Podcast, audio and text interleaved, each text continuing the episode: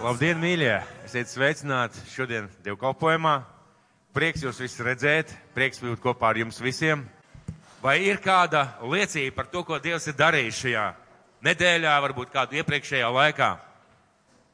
Ja ir kāda liecība, lūdzu nāciet priekšā un ir iespēja šobrīd liecināt. Vai kāds gribētu kaut ko teikt par Dievu darbiem? Jā, lūdzu, Egī. Labrīt! Man ir ļoti maza liecība, bet Dievs ir uzticams mazās lietās, un ja mēs no sirds kaut ko vēlamies, tad Viņš sagādā to un tiešām nenormāli lielā ātrumā. Bija tā, ka mēs bijām uh, GLS konferencē, un tur bija grāmatu galds, amnes, un es uh, skatījos, uh, ieraudzīju vienu grāmatu, kuras gribētu izlasīt. Un es domāju, nu, es neesmu paredzējis tam naudu, tagad, nu, gan jau es nopirkšu, nu, tā kā vienkārši jāatcerās, kā tā grāmata sauc un tā. Es aizbraucu pie Ilonas, jo Ilo, Daniels bija pie Ilonas uh, tajā dienā. Un uh, es ieeju tagad istabā, un mēs runājam, un es skatos Ilonai plauktā ir tieši tā grāmata. Un es, es tādu vienkārši es saku, Ilona, tu varbūt man var aizdot izlasīt to grāmatu. Viņa saka, jā, bet Egīt, tas ir brīnišķīgi, jo viņai tā grāmata vienmēr ir bijusi tā, tā kā vispār, nu, ne, nu nevar redzēt. Viņa ir ielikt tā, ka vienkārši nevar redzēt, kā viņa sauc. Un viņa saka, šorīt viņa ar Danielu lasīja to bībeli, un uh, viņa izvilka to bībeli, un tā grāmata panāca uz āru, tā, ka var redzēt to nosaukumu. Un vienkārši tas ir, uh, vienkārši diev, Dievs ir brīnišķīgs. Tiešām. Vai tu izlasīsi to grāmatu, Egī? Lieliski. Jo reizē mēs zinām, šito man vajadzētu izlasīt. Un šitas vajadzētu izlasīt, tā arī paliek uz nedēļām vai uz mēnešiem. Pareizi. Uh, šodien gribu dalīties ar vārdu par, par mūsu vārda spēku. Vārdu par mūsu vārda spēku. Un uh, es gribētu iesākumā jums parādīt kādu brīnumu. Ziniet, kas tas ir par brīnumu? Vai es atceraties kādus uh, divus mēnešus atpakaļ mēs runājām par to, ka, ja grauds nekrīt zemē un nenomirst priekš sevis, viņš neatnes augļus. Vai jūs atceraties? Atceraties, jā? Nu, vismaz daži atcerās. Un ko mēs šeit publiski izdarījām? Iestādījām. Dievs apstiprina savu vārdu ar līdzējošām zīmēm. Izaug. Un kas ir interesanti, šobrīd tikai divi un vēl viens dzen, bet es iestādīju diezgan daudz. Ja? Cerēsim, ka mēs ar jums esam tas stāsts, kas ir izaudzis. Bet Dievs apstiprināja manu to savu vārdu ar līdzējošām zīmēm. Un lai viņš te tā skaisti stāv un klausās, ko mēs ar jums runāsim. Uh, un mēs šeit esam Jēzus Kristus vārdā. Vai jūs zināt, ka mēs šeit, šajā vietā, esam Jēzus Kristus vārdā? Ne tāpēc, ka mēs esam vienkārši draudze, ne tikai tāpēc, ka mums svētdien nav ko darīt, vai tāpēc, ka mēs jūtamies labi viens kopā ar otru. Mēs esam Jēzus Kristus vārdā šeit, kā viņa mācekļi un kā viņa ģimene. Kā viņa mācekļi un kā viņa ģimene. Un uh, Jēzus Kristus, kas viņš ir? Kas ir Jēzus Kristus? Viņš ir pirmām kārtām Dieva dēls. Dieva dēls. Un Jēzu Kristu mājoja visa Dieva pilnība visa gudrība, viss spēks, viss, kas ir Dievā, mājoja Jēzu Kristu. Un ko Jēzus Kristus izdarīja? Ko viņš izdarīja atnākdams šo zemi? Pirmām kārtām viņš atklāja savu tēvu. Viņš atklāja savu tēvu un tām paudzēm, kas tikai bija dzirdējušas par Dievu, kalpoja Dievam ar tādu nojausmu, ka kaut kur augšā viņš ir. Viņš atnāca un reāli atklāja tēvu, atklāja tēvu sirdi. Viņš atklāja ceļu pie tēva. Nevis vienkārši tur augšā ir Dievs, viņš atklāja ceļu pie tēva un atklāja debesu valstības principus. Viņš atklāja, ka neviens netiek pie tēva kā vien caur viņu. Šo skaidri pateica, nodefinēja, un ko viņš vēl izdarīja? Viņš nomira par visas pasaules grēkiem. Iedomājieties, Kristus nomira par visas pasaules grēkiem, par taviem un par maniem, pirms mēs vēl bijām piedzimuši. Un viņš ne tikai nomira, viņš cēlās augšā. Viņš cēlās augšā un parādīja, ka aiz nāves robežas ir vēl kaut kas vairāk. Ir turpinājums un ir turpinājums kopā ar Dievu. Un vēl viņš pateica, es nākšu atpakaļ. Otrais es nākšu šo zemi un ņemšu jūs pie sevis. Un viņš vēl viņš teica, ka tā, kamēr viņš būs projām, viņš sūtīs svēto garu. Un svētais gars mūs mācīs, mūs skolos, mūs vadīs, mūs apgaismos, mūs dos atklāsmes un rādīs Dieva ceļu mūsu dzīvē un rādīs, kā Dievs dara, ko Dievs dara, kāpēc Dievs dara. Un ko mēs šeit šodien darām? Mēs esam sanākuši Kristus vārdā. Bet ko mēs šeit šodien darām? Mēs sludinām Jēzu Kristu krustā sisto. Mēs sludinām Jēzu Kristu krustā sisto viņa valstību un viņa mīlestību cilvēkiem. Viņa piedošanu, viņa glābšanu un viņa plānus, viņa gudrību mūsu dzīvē. Viņa plānus un viņa gudrību mūsu dzīvē. Lai mēs mācītos pazīt Dievu, lai mēs mācītos sekot Dievam, lai mēs mācītos uh, piepildīt Dievu plānus savā dzīvē un piepildīt tās ekscelentās, lieliskās lietas, ko Dievs mūsu dzīvē ir ieplānojis. Un tas nav vienkārši tā, Dievam ir brīnišķīgs plāns, un lai mācītos pazīt Dievu, un lai mēs būtu stipri, lai mēs būtu gudri, lai mēs būtu svētīti un svaidīti Dieva bērni. Vai kāds varētu pateikt āmen? Nevis, lai vienkārši sēdētu baznīcā, nevis, lai vienkārši nāktu kopā, bet lai mēs būtu svētīti, lai mēs būtu stipri, lai mēs būtu gudri un svaidīti Dieva bērni. Un tas attiecas uz ikvienu cilvēku, kas pieņēmis Jēzu Kristu. Un zina, kas ir Dieva vārds? Kas ir mūžīgā Dieva vārds? Tā ir Bībele, ja? Rakstītā veidā tā ir Bībele. Tā ir vecā un jaunā darība. Vecā un jaunā darība. Un vecās darības Dievs ir tas pats, kas jaunās darības Dievs. Jūs ziniet to? Vecās darības Dievs ir tieši tas pats Dievs, kas ir jaunajā darībā. Ir mainījušies nosacījumi, uz kuriem mēs nākam pie Dieva. Ir mainījušies kaut kādā veidā noteikumi, bet tas, kas nepatika Dievam vecās darības laikā, tas viņam nepatīk šodien. Tas, kā viņš strādāja vecās darības laikā, tieši tāpat viņš strādā šodien. Un tas, ko viņš ir iedibinājis kā savus garīgos principus vecās darības laikā, šie paši principi, šie paši, uh, varbūt, uzstādījums darbojās arī šodien. Dievs nav mainījies. Dieva raksturs, kā Dievs skatās uz lietām, kas viņam patīk, kas nepatīk, tas nav mainījies. Un ir svarīgi, un ir svarīgi saprast, ka ir garīgie likumi. Garīgie likumi, kurus Dievs ir ļoti labi un precīzi savā vārdā nodefinējis. Un pasaule ir mainījusies, Dievs nav mainījies. Pasaule ir mainījusies kopš tā laika. Dievs nav mainījies. Un viņa apsolījumi un garīgie principi nav mainījušies. Un viņš dod iespēju izvēlēties. Viņš dod iespēju izvēlēties. Un viņš pasaka savā vārdā, sākot jau ar veco darību. Ja tu darīsi tā, būs lielisks, brīnišķīgs rezultāts. Ja tu darīsi tā, tev būs problēmas dzīvē, tu būsi nelaimīgs un īstenībā tu būsi zem lāsta. Un kas ir lāsts? Bībelē nav nevienā vietā teikts, es uzlikšu jums lāstu vai, vai jūs, uh, uh, ka cilvēks var kaut kādā veidā kādu nolādēt. Tā ir mūsu izvēle, kas mūs noliek vai nu zem svētības, vai zem lāsta. Tā ir mūsu izvēle.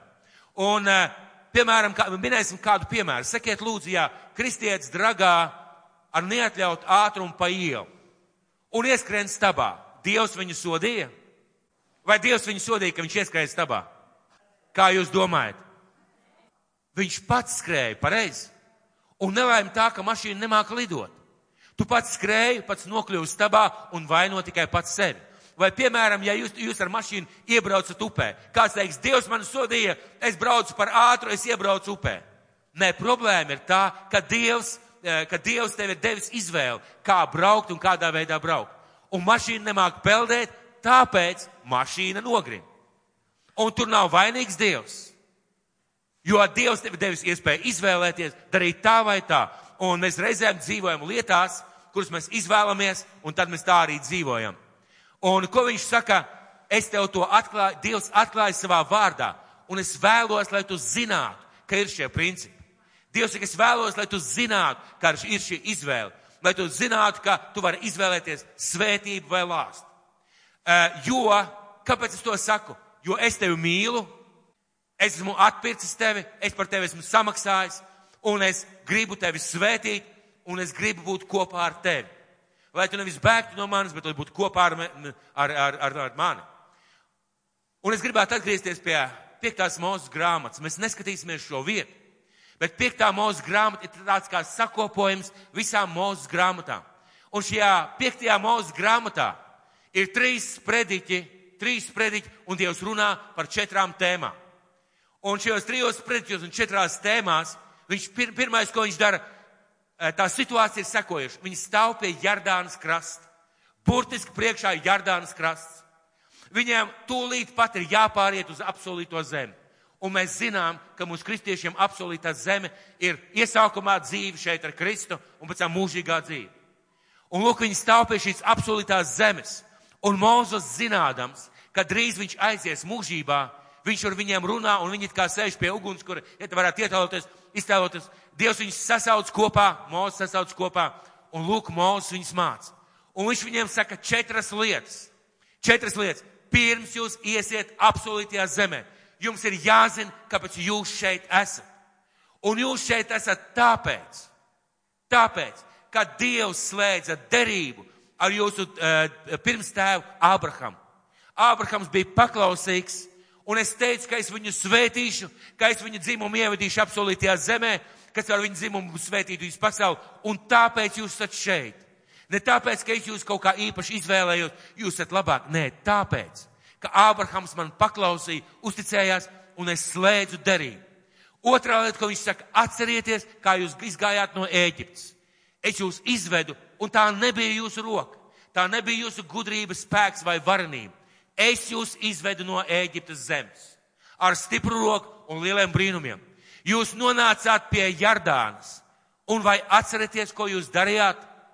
Jūs dumpojāties pret mani, jūs teicāt, mēs neiekarosim to zemi, mēs neiesim iekarot, jūs apmelojāt to zemi. Rezultātā jūs bijāt spiest iet atpakaļ tuksnesī. Un tuksnesī jūsu izvēles dēļ palika visi tie vīrieši, kas izgāja no absolūtās zemes. Un neviens iznāca Mozu, Jozuvā un Kaleb neiet šajā atkal, ja, absolūtajā zemē. Un tad viņš trešā lieta, viņš atkārto bauslību. Kad jūs ieiesiet tajā zemē, atcerieties vienu lietu. Dievs ir viens, vienīgs Dievs. Un jums nebūs citus Dievus turēt manā priekšā. Viņš atkārto visu bauslību, principus tā kā savā kopā. Un ceturtā lieta. Viņš pasaka svētības un lāsta vārdus. Viņš pasaka, jums ir jāzina. Šodien, ieejot absolūtajā zemē, jums ir jāzina, ka, jo es nolieku jūsu priekšā izvēli. Un izvēle noteiks to, kā jūs tur dzīvosiet. Mana mīlestība nav mainījusies, mana principi nav mainījušies, bet jūsu izvēle būs tā, kas noteiks, kā jūs dzīvosiet. Un piektā mūzes grāmata, piektā mūzes grāmata, 11. nodaļa, 26. 28. pants. Izlasiet šīs vietas savās bībelēs, atšķiriet vaļā. Kāpēc par to ir tik svarīgi runāt? Jo šodien mēs runāsim par vārda spēku. Mēs runāsim par to, kā vārds var izmainīt mūsu dzīvi kā mūsu izrunātais vārds var izmainīt mūsu dzīvi. Lūk, 5. mūzes grāmata, 11. nodaļa, 26 un 28. Redzi, es šodien jūsu priekšā nolieku izvēlē svētību un lāstu. Dievs saka, redzi, šodien es jūsu izvēlē nolieku priekšā svētību vai lāstu. Svētību Ja jūs klausīsiet tā kungs sevi Dieva baušļiem, ko es jums šodien pavēlu, lāstu, turpretī, ja jūs neklausīsiet tā kunga savu Dievu baušļiem un nogriezieties no tā ceļa, pa kuru iet, es jums šodien pavēlu. Un jūs sekosiet citiem dieviem, kurus jūs nepazīstat. Un svarīgi šajā vietā ieraudzīt, ka Dievs nenolādēs. Dievs nenolādēs. Viņš nebūs tas, kas uzsūtīs lāstu. Viņš saka, ja tu iebrauksi ar mašīnu upē, tad es tur neesmu vainīgs. Tu pats brauc un izvēlējies, kā braukt. Ja tu iebrauksi ar mašīnu savā stabā, tad es tur neesmu vainīgs, es tavus riteņus nepaslidināju. Tas bija tavs braukšanas stils, tava izvēle, ar kur tu nonāci stabā. Viņš saka, es nenolādēšu, bet tev ir jāzina, šodien tavā priekšā ir izvēle. Un tu stāvi starp šīm izvēlēm, starp svētību un starp lāstu. Un tas, ko tu izvēlēsies, noteiks tavu dzīvi. Un šodien, mīļie brāļi un māsas, nekas nav mainījies. Nekas nav mainījies. Mēs esam noticējuši, mēs esam pieņēmuši Jēzu Kristu, atdevuši viņam savu, savu dzīvi, pieņēmuši viņu par savu kungu, un arī šodien grib Dievs svētīt, taisnot, darīt mūsu svētus, darīt mūsu dzīves svētīts. Dievs to vēlās. Bet arī šodien Dievs runā un māca noliek mūsu priekšā izvēli. Un Dievs noliek mūsu priekšā izvēli. Sakiet lūdzu, ja tagad šobrīd es stāvu starp šiem diviem podiņiem, starp šo podziņu un šo podziņu. Kurš izskatās skaistāk? Es zinu, ka jūs teiksiet, šīs varat nemaz nesmaidīt, jā? Ja? Kaut gan to iestādu es, bet jūs teiksiet, ka šitas. Un redziet, es tagad stāvu starp šiem diviem podziņiem, un tā ir mana izvēle, ko paņemt rokās, pareizi? Tā ir mana izvēle, un Dievs saka, tur ir svētība, un tur ir lāsts. Tu vari izvēlēties. Bet izvēlēties mēs varam tikai tad, kad mēs esam Dieva bērni. Es izvēlētos paņemt šo, vai ne? Un jebkurš skaisti domājošs cilvēks tā izvēlētos. Tātad mana izvēle būtu šis podziņš. Un kādu podziņu es nestu mājās un ar kādu podziņu es dzīvotu, to noteikti nevis Dievs, bet mana izvēle. Jo viņš ir devis iespēju izvēlēties, un viņš devis palīdzējis saprast un ieraudzīt, ka mana izvēle noteiks manu dzīvi. Mēs runājām iepriekšējos dievkalpojumus par garīgo cīņu, vai jūs atceraties? Un jau trīs dievkalpojumus mēs runājām, un esam runājuši par to, ka par Jēzus vārdiem ar savu sasiešanu un savu atraisīšanu mēs kaut ko izdarām. Ar sasiešanu un atraisīšanu mēs kaut ko varam izdarīt par šo mūsu autoritāti. Un es vēlreiz gribu parādīt. Vēlreiz gribu parādīt. Ja man rokā ir kociņi, ja man rokā ir kociņi, un viņi ir tāda izkaisītā veidā, tad es viņus varu sasiet, tā ir mana autoritāte. Es viņus varu sasiet, un tagad viņi turās kopā. Bet tā ir mana autoritāte atraisīt un izjūgt pa grīdu. Un mēs runājam par šo sasiešanas un atraisīšanas principu mūsu dzīvē. Jo Kristus to pats nodefinēja un pats pateica. Un par to, ka tas ir atkarīgs no mums cilvēkiem. Un Dievs pateica savu gribu, bet viņš nolicis izvēli mūsu priekšā. Un Mateja evaņģēlijas, mēs atgriezīsimies pie šiem Jēzus vārdiem, 16. nodaļa, 18. 19. pants. 16. nodaļa, 18. un 19. pants. Mēs esam jau rakstījuši iepriekšējos dievkalpojumos, bet es gribētu vēlreiz izlasīt šo vietu. Un es tev saku, tu esi Pēteris, un uz šās klīns es gribu celt savu draudzu. Un Ēlas vārtiem to nebūs uzvarēt. Un es tev došu debesu valstības atslēgas, ka tu sie, ko tu siesi virs zemes, tas būs siets arī debesīs, un ko tu atraisīsi virs zemes, tas būs atraisīts arī debesīs. Un saku, es tev došu autoritāti un zināšanas, zināšanas sapratni par garīgo pasauli, un tava izvēle un tava iespēja būs kaut ko sasiet un kaut ko atraisīt. Un tev ir jāzina, ja tu kaut ko labu sasiesi, vienlaicīgi tu atraisīsi kaut ko sliktu. Ja tu kaut ko sliktu sasiesi, vienlaicīgi tu atraisīsi kaut ko labu, kaut ko svētības pilnu. Tas patiesībā ļoti eh, eh, vienkārši un pareizi labi sakrīt ar to, ko Dievs teica šajā vecajā darībā. Nolieku tevā priekšā svētību vai lāstu. Tava izvēle. Un šajā vietā viņš saka, ko tu sasiesi, tas būs sasiets, ko tu atraisīsi, tas būs atraisīts. Un Dievs devis šo, Dievs devis mums šo autoritāti šodien tādā veidā skatīties un arī mēģināt darīt. Viņš nolicis mums priekšā izvēli. Mēs esam runājuši par sasiešanu un atraisīšanu jau trīs dievkalpojumus. Pirmām kārtām par neatlaidīgu lūkšanu. Vai jūs atceraties, kā sauca vārdu par neatlaidīgu lūkšanu? Jūs lūdzu sapratīsiet, kāpēc es jums pajautāju. Kā sauc vārdu par neatlaidīgu lūkšanu?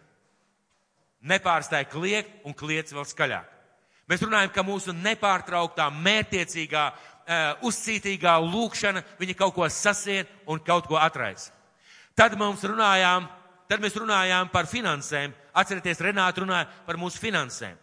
Kā ar finansēm mēs kaut ko spējam sasiet un kaut ko atraisīt savā dzīvē un citu cilvēku dzīvēs. Un uh, pagājušajā divkalpojumā mēs runājām par domām. Mēs runājam, kā ar savām domām mēs iespaidojam savu dzīvi. Mēs kaut ko sasienam ar savām domām un kaut ko atraisam. Vai jūs atceraties, kas bija pagājušajā divkalpojumā? Paceliet lūdzu roku. Kas bija pagājušajā divkalpojumā? Mīļie, ja jūs ne, nebijāt, noklausieties. Noklausieties, un jūs lūdzu sapratīsiet, kāpēc es jums to saku. Un tiem radio klausītājiem, kas šobrīd varbūt klausās internetā vai klausīsies mūsu dievkalpojumu ierakstu, noklausieties iepriekšējos dievkalpojumus. Pirmkārt, jūs labāk sapratīsiet, otrkārt, jūs ieraudzīsiet varbūt paši sevi no iekšienes. Kā jūs domājat, cik svarīgi ir būt dievkalpojumā? nedrīkst pamest, tas ir tāds pavēle, pareizi. Bet redziet, šodien tas, ko jūs dzirdēsiet, un pagājušais tas, ko jūs dzirdējāt, un aizpagājušais, un aizpagājušais, tas var izmainīt un iespaidot jūsu dzīvi. Kāpēc to pateiktu? Kāpēc to saku? Es uh, runāju ar kādu cilvēku. Un šī cilvēka dzīvē notika kāda nepārāk liela ķipele, bet viņa notika. Un uh, mēs sazvanījāmies ar šo cilvēku, un ziniet, ko viņš saka? Viņš saka, zini, man notika tas un tas un tas un tas un tas un tas, un es sāku baidīties. Es sāku baidīties, par ko tas būs. Es aizgāju gulēt, un mani sāka urķēt domas. Tagad tu saslimsi, tagad tev būs slikti, tagad tev atkal būs tas un tas, tagad tev atkal būs tas un tas, un es pilnīgi, pilnīgi pamazām, pamazām uzvilkos, sāku domāt, un viņa zvana, un mēs sazvanamies, un viņi jau tādu pilnībā stresā, tādās bēdās, nu tūlīt būs ziepes, ko lai tagad dara. Un ziniet, ko es padaru, izdarīju? Es pajautāju, vai tu atceries pagājušās svētdienas dievkalpojumu? Nu, nu, atceros, jā. Par ko mēs runājām? Nu, jā, par domu spēku. Vai mēs nerunājām, ka tas, ko mēs domājam, tas mūsos kaut ko izraisa, kaut ko sasien, kaut ko asien? Vai mēs nerunājam, ka tas, kā tu domā par savu dzīvi, par notikumiem nākotnē, ka tas iespaidos tavu dzīvi, runājām? Un kas šobrīd notiek? Cilvēks man skaidrā tekstā saka, es aizgāju gulēt, es tā nejūtos īsti labi, un es to varu saprast. Bet tas, kas nākošajos vārdos izskanēja, es sāku domāt. Domas mani sāk urķēt, un es sāku saprast, man būs slikti, man būs vēl sliktāk, man būs vēl sliktāk. Kas tagad būs? Man sāka nākt virsū panika. Man sāka nākt virsū panika, un tās ir tikai domas. Un bieži vien tas nemaz nepiepildās, bet mēs jau iepriekš izdzīvojam tās sāpes, to vilšanos, to nelaimi, visas tās lietas. Mēs it kā ar savām domām atraisam veselu emociju gammu un dzīves posmu savā dzīvē. Tāpēc ir svarīgi nākt uz divkopiem, tas ir svarīgi pierakstīt, klausīties un likt aiz auss. Un ir ļoti svarīgi, ka tas, ko mēs pagājušajā reizē runājam par domām, par domām, ka jūs par to domājat un to piefiksējat. Un šodien es gribētu runāt par to, kā mēs atraisam un sasienam ar vārdiem. Kā mēs atraisam un sasienam ar vārdiem. Kas ir vārds? Skaņa, ko es pasaku, pareizi? Kamēr es neesmu neko pateicis, vārds nav izskanējis. Un mēs esam dzirdējuši, ka mūsu vārdiem ir spēks. Jūs esat dzirdējuši, ka mūsu vārdiem ir spēks. Bet kā tas ir? Kā tas ir, maniem vārdiem ir spēks. Kārdie vārdiem var sasiet, un kā šeit uz zemes, un kā līdz ar to tas tiek sasiets debesīs. Kā ar vārdiem, jeb garīgajā pasaulē, jeb neredzamajā pasaulē, kā ar vārdiem kaut ko var atraisīt, un tas tiek atraisīts neredzamajā pasaulē. Kā tas ir iespējams? Kā tas ir iespējams, kā mēs ar vārdiem, kas izskan šeit, spējam iespaidot garīgo pasauli, jeb neredzamo pasauli. Un lai saprastu, sāksim runāt par to, kā Dievs lieto vārdus. Vai jūs kādreiz esat domājuši, kā Dievs lieto vārdus? Esat kādreiz domājuši, kā Dievs lieto vārdus? Piemēram, negulda dievkalpojumā. Esat domājuši? Dievs tā nav teicis negulda dievkalpojumā, bet viņš parāda vienu vietu, kur cilvēks gulēja dievkalpojumā, izkrita pa logu un nostās. Paldies Dievam, ka Pāvilam e, bija pietiekoši spēki, Pēterim bija pietiekoši spēki, lai celtu viņu augšā no miroņiem. Bet manā Bībelē ir ierakstīts neguli, jo gulēšana dievkalpojumā var atnest garīgu un fizisku nāvi. Bet kā Dievs lieto vārdus? Esat kādreiz domājuši, kā Dievs ar saviem vārdiem kaut ko atraisa un kaut ko sasien? Vai esat domājuši? Jo šodien es gribu, es gribu jums, ar jums izrunāt par to, kā mūsu vārdi kaut ko sasien. Un sāksim mēs ar pirmo mūzes grāmatu. Pirmā mūzes grāmata, pirmā nodaļa. Un daudz būs lasījuši, bet es gribētu, lai jūs pievērš uzmanību. Iesākumā Dievs radīja debesis un zemi, bet zeme bija neiztaisīta un tukša un tumša bija par dziļumiem, un Dieva gars lidinājās par ūdeņiem. Un trešais pāns. Un Dievs sacīja, lai top gaisma. Un Dievs nevis nodomāja, mēs nezinām, kā Dievs sacīja.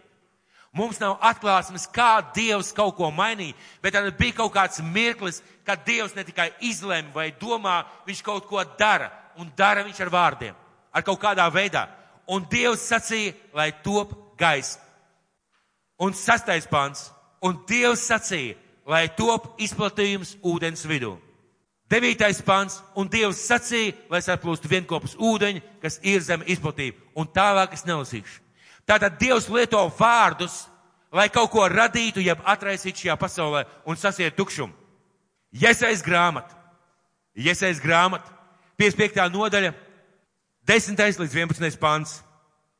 Iesais grāmata, 55. nodaļa, no 10. līdz 11. pantam. Un skatieties, kas šeit rakstīts. Jo kā lietus un snieg nāk no debesīm un turp neatgriežas, pirms tas nav veldzējis zemi, to apaugļojis un tērpis zaļumā, ka tā dod sēklu sējiem un maizi ēdājiem, tāpat tas ir ar manu vārdu, kas iziet no manas mutes. Tas neatgriezīsies pie manis attukšā, bet pirms tam jāizdara tas, ko es vēlos, un jāizpilda savus uzdevumus, kādēļ es to sūtīju. Dievs saka, mans vārds kaut ko izdara uz šīs zemes. Mans vārds, ko es sūtu, kaut ko paveic, kaut ko sasien un kaut ko atrais. Un pēdējā vieta - Mateja evaņģēlijas, 4. nodaļa, 4. pants. Mateja evaņģēlijas, 4. nodaļa, 4. pants. Un šī vieta runā par kārdināšanu. Par Jēzus Kristus kārdināšanu, kad Sātans viņu kārdināja. Un lūk, ko Lūkas šeit rakstīts. Jēzus atbild viņam. Bet viņš atbildēja un sacīja, sacīja stāv rakstīts, cilvēks nedzīvo no maizes vien, bet no katra vārda, kas iziet no Dieva mutes. Lūk, ko Jēzus atbildēja, viņš teica, cilvēks nedzīvo no maizes vien, bet no tā vārda, kas iziet no manas mutes. Ja mēs tagad padomājam, tas nozīmē, ka tas vārds, kas iziet no Dieva, viņš mūsu dzīvē kaut ko izdara, kaut ko sasien un kaut ko atrais. Dievs, un varētu minēt atkal, atkal un atkal, Dievs ļoti daudz runā par to, ka viņa vārds, tieši viņa vārds kaut ko izmaina. Viņa vārds kaut ko izmaina šajā pasaulē. Un par Dievu vārdiem skaidrs. Ja nu Dievs kaut ko pateica, kaut kas notika, kaut kas tika atraisīts, kaut kas tika nokārtots, kaut kas tika izdarīts.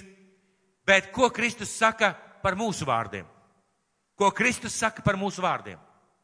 Ko viņš saka par taviem vārdiem, par maniem vārdiem, par cilvēku vārdiem? Ko Kristus saka tieši, lai mēs ieraudzītu no šīs sasiešanas vai atraisīšanas perspektīvas? Uh, par to, kā mēs varam lietot vārdus, lai sasaistītu un atraisītu. Kā mēs varam lietot vārdus? Un Mateja evaņģēlijas 12. nodaļa, 36. pants.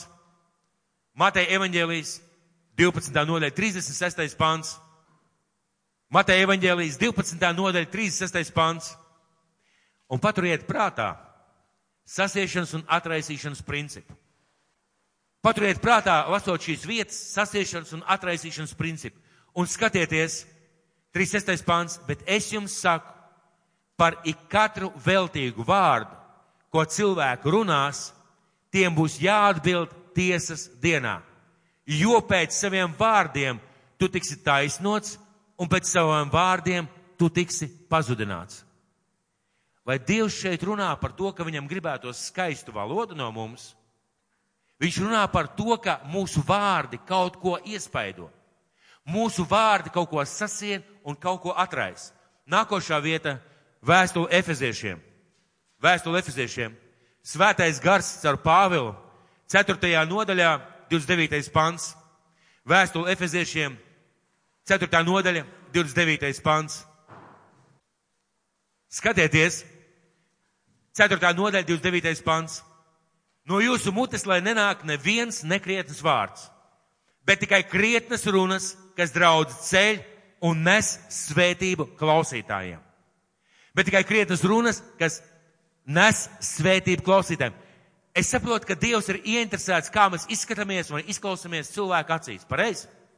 Dievs ir ieinteresēts mīlestības pilnās attiecībās. Bet, ja mēs skatāmies no šīs skatu punkta par sasiešanu un atraisīšanu, tad Dievs to šajā vietā tā skaidri nepasaka, bet mēs varam ieraudzīt, ka Dievs saka, no jūsu mutes, lai nenāk neviens nekrietas vārds, bet tikai krietnas runas, kas ceļ draudzi un nes svētību klausītājiem. Tad viņš saka, jūsu vārdi kaut ko izdarīs. Te neiet runa par jūsu raksturu vai jūsu izteiksmes līdzekļiem. Iet runa par to, ka jūsu vārdi kaut ko izdarīs. Un jums būtu jāierauga, ka jūs varat vai nu sasiet, vai kaut ko atraisīt. Vēl kāda vieta. Pirmā pētera vēstule, desmitā nodaļa. Pirmā pētera vēstule, trešā nodaļa, es atvainojos, trešā nodaļa, pirmā pētera vēstule, trešā nodaļa, desmitais pants. Pētera pirmā vēstule, trešā nodaļa, desmitais pants. Šo gan cenšties visu atšķirt, labi? Nesamierinieties ar to, ka šeit stāv priekšā. Atšķiriet savus bībeles, savus telefonus, kurš lieto. Un skatieties, kā svētais gars mums šajā vietā atklāja par cilvēka vārdiem. Un desmitais pants, jo kas mīl dzīvību un grib redzēt labas dienas, tas lai attur savu mēli no ļauna un savas lūpas, kad tās nerunā viltu. Redzat? Svētība un lāsts. Redzat? Svētība un lāsts. Sasiešana un atraisīšana. Un Dievs saka, ja kas grib redzēt, kas mīl dzīvību, kas mīl uh, dzīvību sevi, kas mīl, kas grib redzēt labas dienas, tas lai attur savu mēli no ļauna un savas lūpas, ka tās nerunā viltu. Dievs saka, lūk, tev ir izvēle. Un lielais jautājums, kāpēc?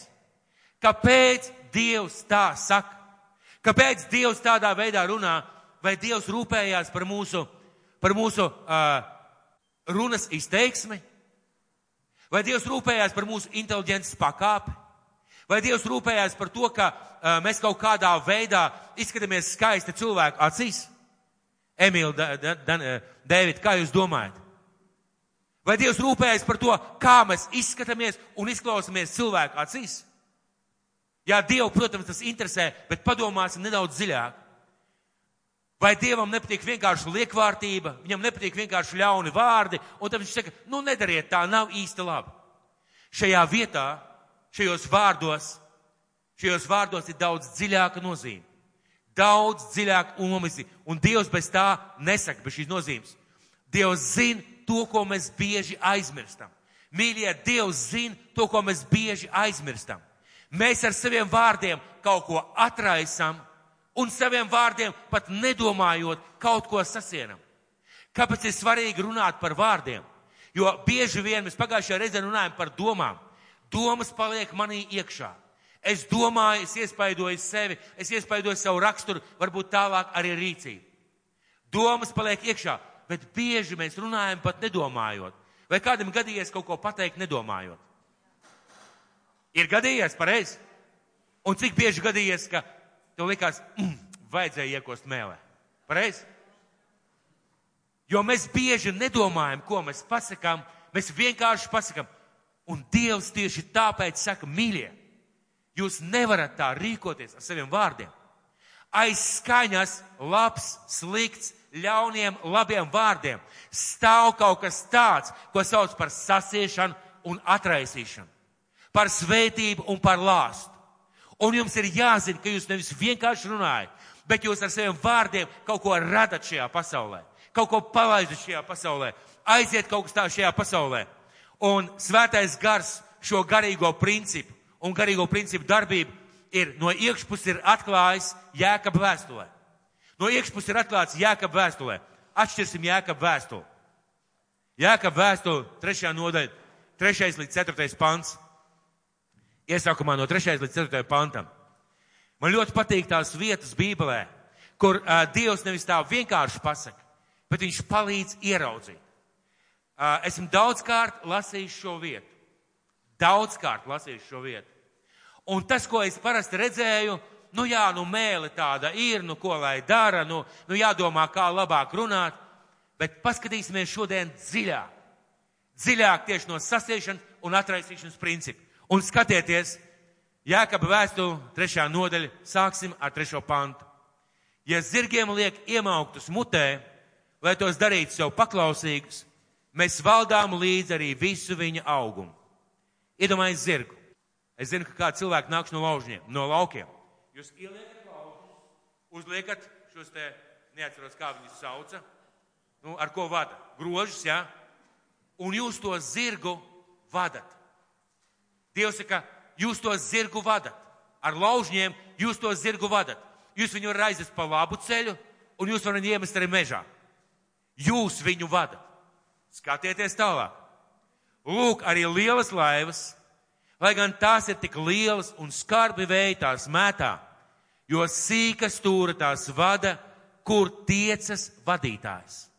Šajā vietā svētais, kas tika redzi, ir lielas laivas kuģi, pareizi. Mums Rīgā pienāk liela kuģi. Un viņš saka, saprot, liels kuģis, vētra neko nespēja izdarīt, bet tā mazā stūra vada tur, kur tiecās vadītājs. Piefiksējiet vārdu vadītājs. Šīs kuģis brauc tajā virzienā, kur vada vadītājs. Kur grib vadītājs? Un skatāmies, lasam tālāk.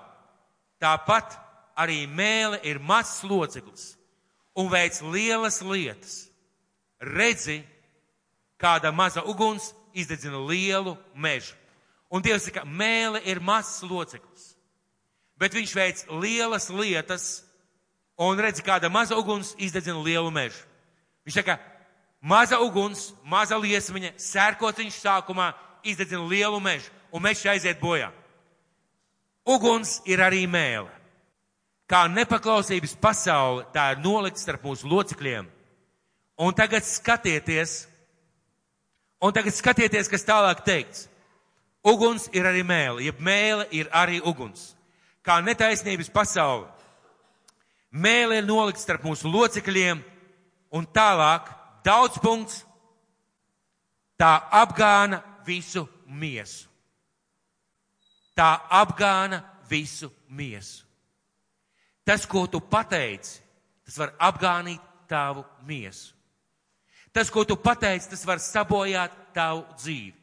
Un nākošais, nākošā vieta, tā apgāna visu augumu Bībelē un aizdedzina mūža ritumu. Iedomājies, mēle spēj sadedzināt tavu dzīvi. Mēle spēj sadedzināt tavu ģimeni, tavu aicinājumu, tavu nākotni. Mēle spēj to sadedzināt, ja tu ļauj mēlei atraisīt lietas, kas ir ļaunas un kas sadedzina un te pašā laikā tu vari būt arī svētīts. Tā aizdedzina mūža ritumu, pati būdama elles aizdedzināta. Un tagad man ir jautājums. Atgriezīsimies pie vārdiem, kur, bija, kur iepriekš teikts, skatieties 5. pantā, 4. pantā, kur tiecas vadītājs. Un šajā vietā Dievs saka, mēle ir elles aizdedzināta. Vai Dievs neradīja mēli? radīja, pareizi. Vai Dievs deva cilvēkam spēju runāt? Pareizi, jā. Ja? Bet ja Dievs deva cilvēkam mēli, ja Dievs deva cilvēkam spēju runāt, tad ko nozīmē vārdi mēle elles aizdedzināt? Tas nozīmē, ka ir kāds, kas tavu mēli grib stūrēt. Tas nozīmē, ka mēle ir stūrējama un kāds spēj stūrēt tavu mēlu. Un ziniet, kā, kā tas izklausās? Piemēram, 4. pantā es jau teicu, jo sīka stūra to vada, kurp tiecas vadītājs. Tad man ir jautājums, kurp tiecās, tiecos nevis es, bet kas vada manu mēli? Kas vada manu mēli, ja mēle ir elles aizdedzināta? Un Bībelē saka šajā vietā, ka šī te stūra, šī dzīve, šī nākotne, viņa virzās tajā virzienā, kur vada vadītājs. Tas nozīmē, ja es ļauju saviem vārdiem vaļu un nedomāju, ko es runāju. Tas, ko mēs saucam par ienaidnieku, viņš var vadīt mūsu mēli un sadedzināt mūsu dzīvi, sadedzināt attiecības, sadedzināt lietas nākotnē, sadedzināt pat mūsu aicinājumu un mūsu dāvanas Dievam. Dievs to šajā vietā ļoti skaidri parāda. Jo katras sugas zvēru un putnu rāpuļu un jūras dzīvnieku dabu savalda un ir savaldījusi cilvēku dabu. Bet mēli neviens cilvēks nevar savaldīt. Nemitīgs ļaunums, pilns pasnāvīgas indas. Un šajā vietā varētu domāt tā, nu, Dievs, ko tu gaidi tagad no manis? Ja tu pats saki, ka neviens cilvēks nevar savaldīt, kā tad es varu savaldīt? Cilvēks nevar, bet Dievs var. Un ziniet, kādā veidā Dievs uh, savalda mēli. Pasakot tev, Kārli, tev, Rūta, tev, Diana, man skaties, ko tu runā. Saproti, ka tavi vārdi kaut ko sasien un kaut ko atrais. Domā, ko tu saki. Un Dieva vārds un šī atklāsme, atklāsme būs tā, kas palīdzēs tev savaldīt savu mēli. Cilvēks nevar, bet Dievs caur savu vārdu un svētais gars caur atklāsmi var savaldīt mūsu mēli. Es domāju, ka daudzi no mums, pirms mēs nācām pie Kristus, lamājāmies pareizi. Runājām visādus vārdus, jokojām muļķīgi pareizi. Kaut kas pēkšņi notika, kad mēs atgriezāmies pie Kristus. Kaut kā negribējās vairs tā teikt, pareizi. Un, kad kaut kas tāds paspruka no vecās dabas, mēs bieži vien teicām, Dievs piedod, ai, nebija labi. Sajūta bija riebīga, pareizi. Es nesen kādā vietā pajokoju. Es izstāstīju anekdotu, kurā bija iesaistīts Dievs. Es divus mēnešus nevarēju atrast mieru. Pirms es atkal nebiju pie tiem cilvēkiem un teicu, piedodiet, es lūdzu piedošanu un nožēloju grēku. Dievs nav iesaistīts anekdotēs. Dievs stāv pāri anekdotēm. Dievs stāv pāri jociņiem. Dievs stāv pāri.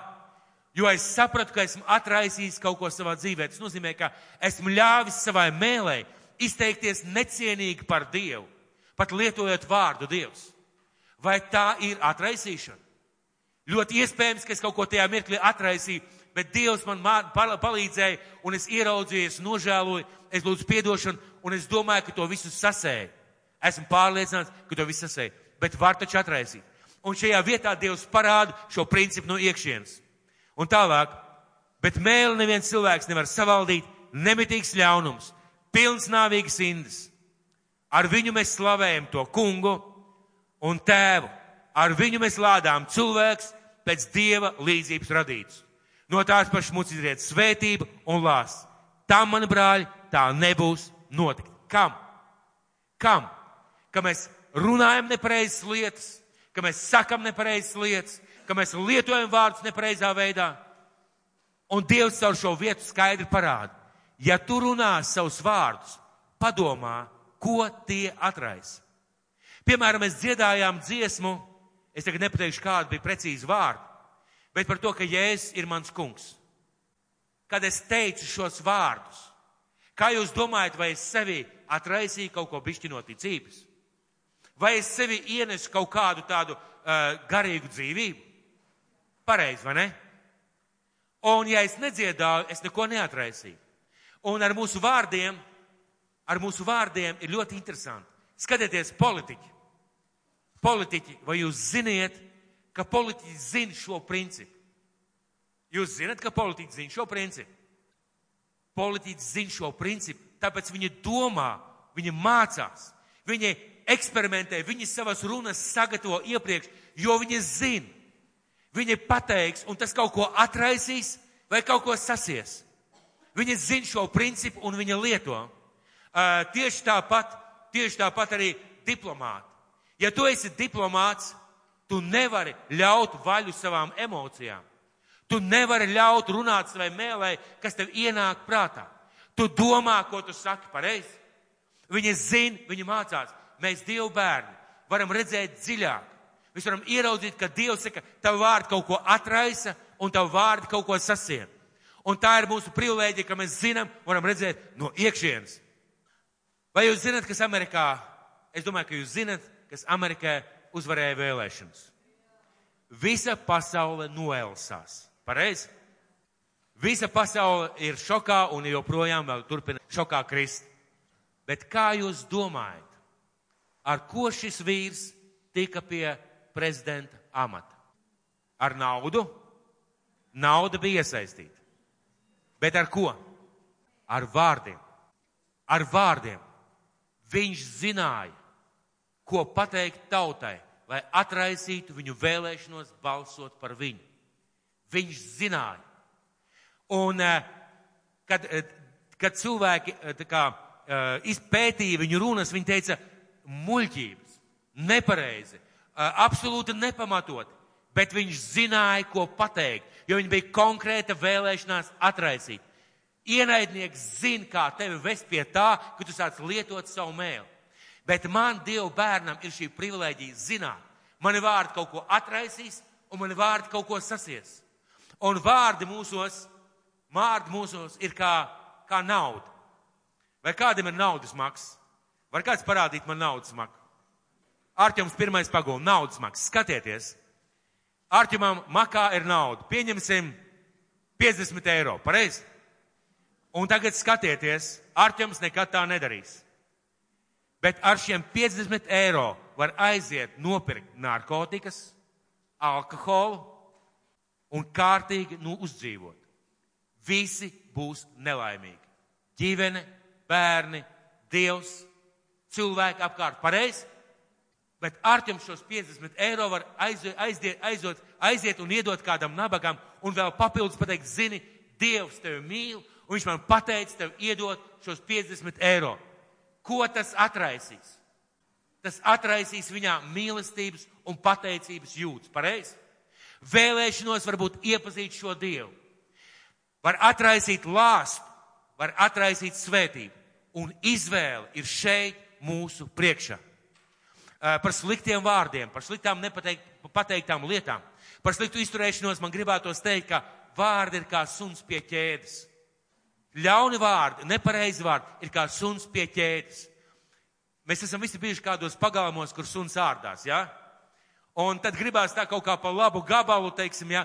mēs vārdus neredzam, kas notiek cilvēkā iekšā, bet iespējams, ka tur ārdās kaut kāds suns. Un tajā mirklī, kad es palaižu vaļā ķēdi, šis suns uzbruk cilvēkam. Un cilvēks tiek iespaidots. Bet mana autoritāte ir šo suni turēt pie ķēdes un rūpēties, lai tas, sunī, lai tas suns kļūst par tādu klēpja dzīvnieku. Tā ir mana autoritāte. Un ar saviem vārdiem mēs atraisam vai kaut ko atsienam. Skatieties, vēl viena vieta, ko es gribētu minēt. Vēstuli romiešiem. Desmitā nodaļa, astotais, desmitais pants. Ļoti klasiska vieta, ko mēs daudzkārt esam lasējuši. Mēs runājam ar cilvēkiem par šo vietu, mēs dodam viņiem kad mēs aicinām viņus pieņemt Kristu, mēs runājam par šiem, par šiem, par šiem vārdiem, par šo principu. Bet tagad pamēģināsim izlasīt tieši no šīs sapratnes vai redzējuma punktu. Skatieties, vēstuli romiešiem, desmitā nodaļa. Sāksim ar astoto pantu. Un domājiet izteikt no sasiešanas un atraisīšanas viedokļa. Bet kā viņa saka, tātad ticība. Tuvu pie tevis ir tas vārds tavā mutē. Viņš ir tavā mutē, šis vārds, ko mēs sludinām. Tūp pie tevis ir šis vārds, šis vārds ir tavā mutē. Un skaties tālāk, jo ja to ar savu muti apliecinās, ja tu ar savu muti apliecinās Jēzu par kungu un savā sirdī ticēs, ka Dievs viņu uzmodinājis no miroņiem, tu tiksi izglābts. Un kas notiek tajā mirklī, kad tu apliecini Jēzu par kungu? Tie nav vienkārši vārdi. Tam tālāk līdz sako vesela lavīna, vesels kalns, vesela mūžība ar izmaiņām tavā dzīvē. Ja tu, protams, paliec šajā ticībā. Bet tu vari arī nepateikt šos vārdus. Tu vari paturēt viņus pie sevis, un šie vārdi var nekad neizskanēt. Un tu sasien to svētību, tu sasien to Dievu valstību sevī, ko Dievs tev bija paredzējis un tūlīt, tūlīt gatavojās iedot. Skatāmies tālāk. Jo, ja, jo no sirds ticība, jo ar sirds ticību panākama taisnība un ar mutes liecību pestīšana. Redziet, cik mūsu vārdi ir nozīmīgi pat mūžības kontekstā. Tu vari, tu vari atraisīt savā dzīvē debesu valstību. Tu ar ticību sirdī un ar vārdu var atraisīt savā sirdī veselu debesu valstību un mūžīgo dzīvību.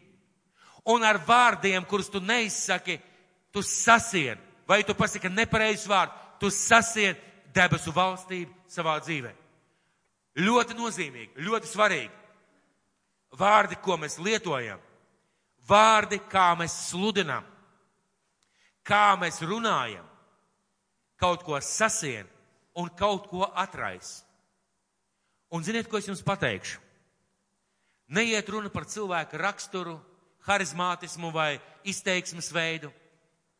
Mēs varētu šeit sludinot dievkalpojumā lietot necenzētus vārdus.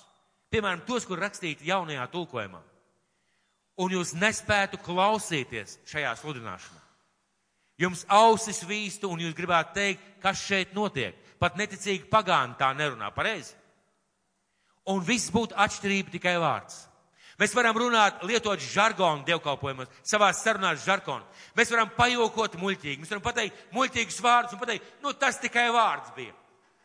Domāsim, ko mēs runājam. Jo vārdam līdz sako sasiešana un atraisīšana. Un ar saviem vārdiem mēs to vai nu sasienam, vai mēs atlaižam. Un tas at, iespaido mūsu dzīvi un mūsu dzīvi uz priekšu. Tas iespaido cilvēku dzīves. Uzdod sev jautājumu. Uzdosim sev jautājumu. Ko sasien un ko atraisa mani vārdi?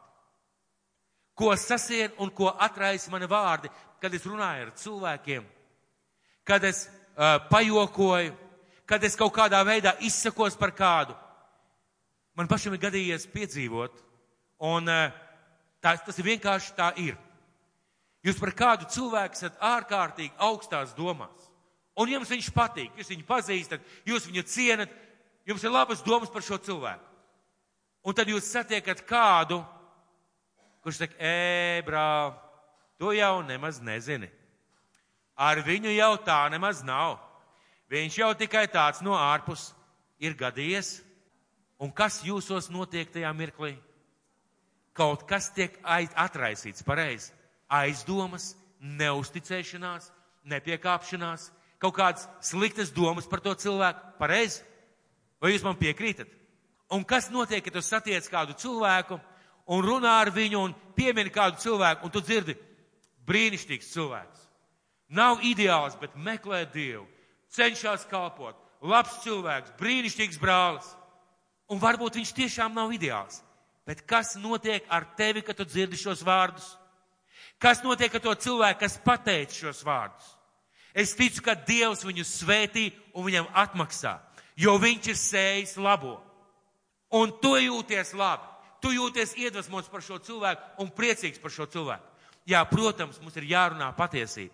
Bet tas, ko es šodien gribēju pateikt, mīļie, domāsim, ko runājam.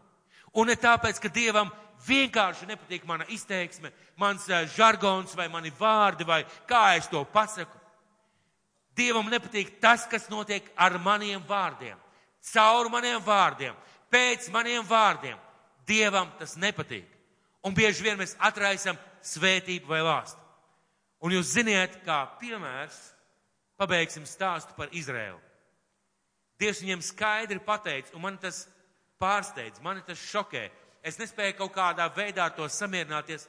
Dievs viņam pasaka, mīļie, jūs ieiesiet zemē. Es izdzīšu ienaidniekus. Jums vienkārši vajag iet, iet iekšā un vicināt zobanu. Es to visu izdarīšu, bet ziniet, re, kur jums ir. Vai nu jūs ieejot dzīvosiet svētīt, vai ieejot jūs dzīvosiet nelaiksmīgi, neveiksmīgi, un beigās es būšu spiests jūs iziet ārā no tās zemes, kurā jūs iegājāt. Un viss variants ir jūsu izvēle. Tāva izvēle. Ko viņi izvēlējās? Mēs redzam no vēstures. Viņus izdzina, viņus vajāja, viņus izkaisīja pa visu pasauli, par to rāda, saka Bībele un par to saka vēsture. Un pēdējā laikā Dievs pulcina viņus atpakaļ. Mīļie, bet 2000 gadus apmēram, 2000 gadus apmēram līdz 60. vai 56. gads, tagad precīzi nepateikšu, Izraēla tauta bija izklīdināta pa visu pasauli. Ziniet, kāpēc? Ziniet, kāpēc? Viņi izvēlējās. Ne Dievs gribēja, ne Dievs gribēja nolēmt.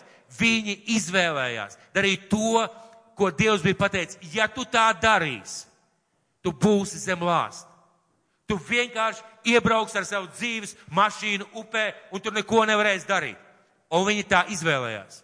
Un visšausmīgākie vārdi Manuprāt, visšausmīgākie vārdi, kurus Bībelē varam lasīt. Vai jūs atceraties šos vārdus, ko ebreja teica pēc tam, kad Poncijas Pilārs bija mazgājis rokas? Sit viņu krustā, tas nebija briesmīgākie vārdi. Ziniet, kā, kas bija briesmīgākie? Lai viņa asinis nāk pār mums un mūsu bērniem. Prātam neaptveram. prātam neaptveram. Kā kaut ko tādu var pateikt? Un vai tas nepiepildījās? Burtiski. Burtiski. Jēzus nomira apmēram 30. gadā, gadā mūsu ērā. 80. gadā atnāk Romas impērijas karavīri, aplemts Jeruzālē. Tur aplankumā cilvēki nonāk badā, ēd viens otru, savus bērnus mātes ēd.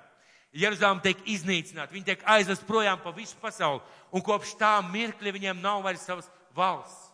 Un tikai tagad šajā, šajā pēdējo gadu desmitos viņi atgriežas atpakaļ.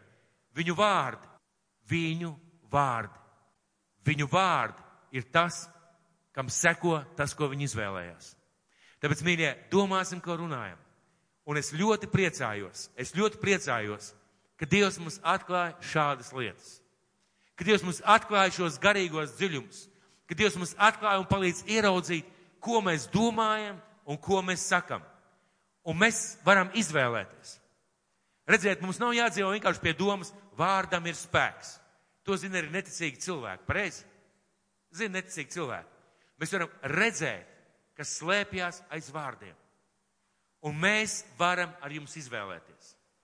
Mēs varam izvēlēties, svētīt, teikt labus vārdus, domāt labas domas un sēt labas lietas. Un kas ir svarīgi, mēs tam esam aicināti un tam esam izredzēti. Vai tu esi izredzēts svētību vārdiem? Āmen. Vai tu esi izredzēts svētībai, pareizai izvēlei? Āmen. Vai tu esi izredzēts tam, ka tu zini šos likumus? Āmen.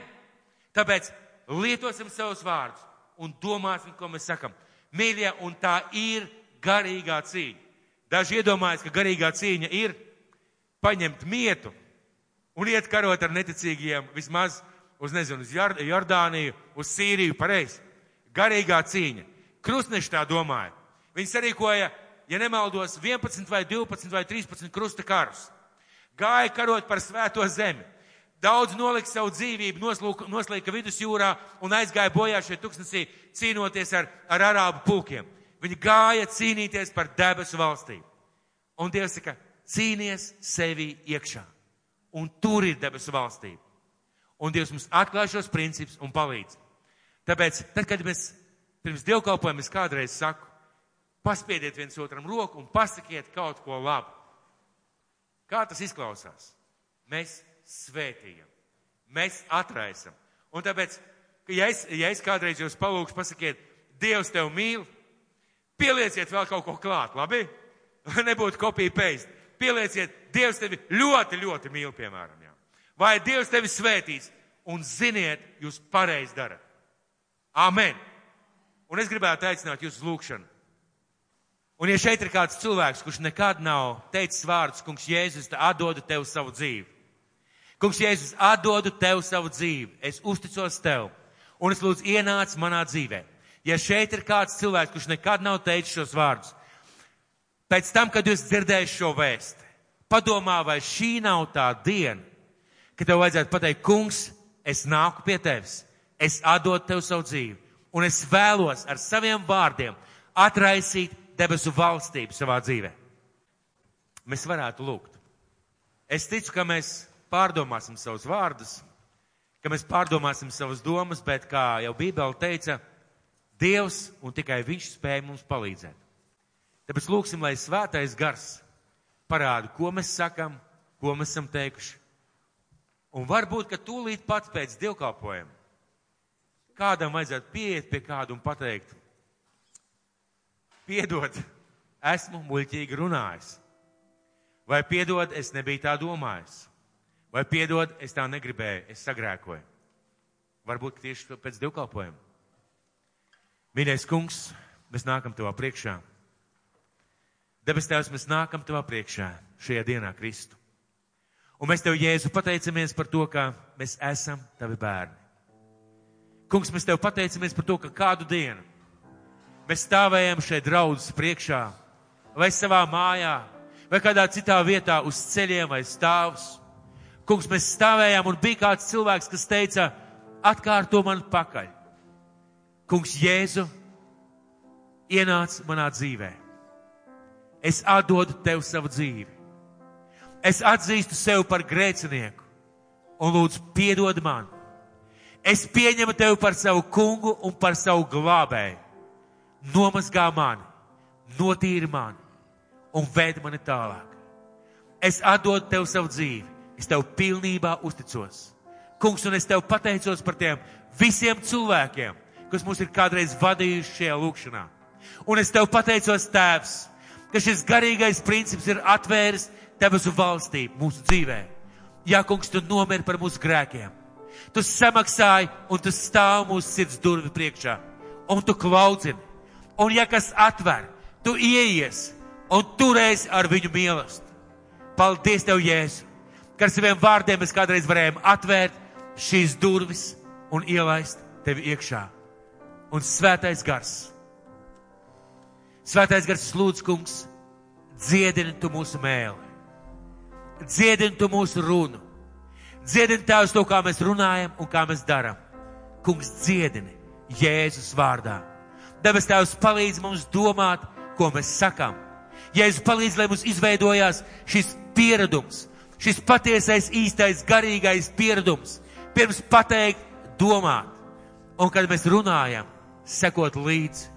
Kungs svētī, lai mūsu valoda vienmēr ir tāda, kas ceļ draudz, kas pagodina tevi, kas slavē tavu svēto vārdu, debes tēvs un svētī Kristu, lai ar savām lūpām un ar saviem vārdiem mēs kalpojam viens otram, mēs kalpojam savām ģimenēm, mēs kalpojam cilvēkiem. Kungs, un lai tiek atraisīta debesu valstība, un lai tiek sasieti vēlna plāni. Un es tev, Jēzu, pateicos. Kungs, es tev pateicos bezgalīgi, ka tu mūs ved savā gudrībā, ka tu atklāji savu prātu, ka tu atklāji šos garīgos principus, ka tu mums viņus māci. Un dabas tēvs svētīgi vien.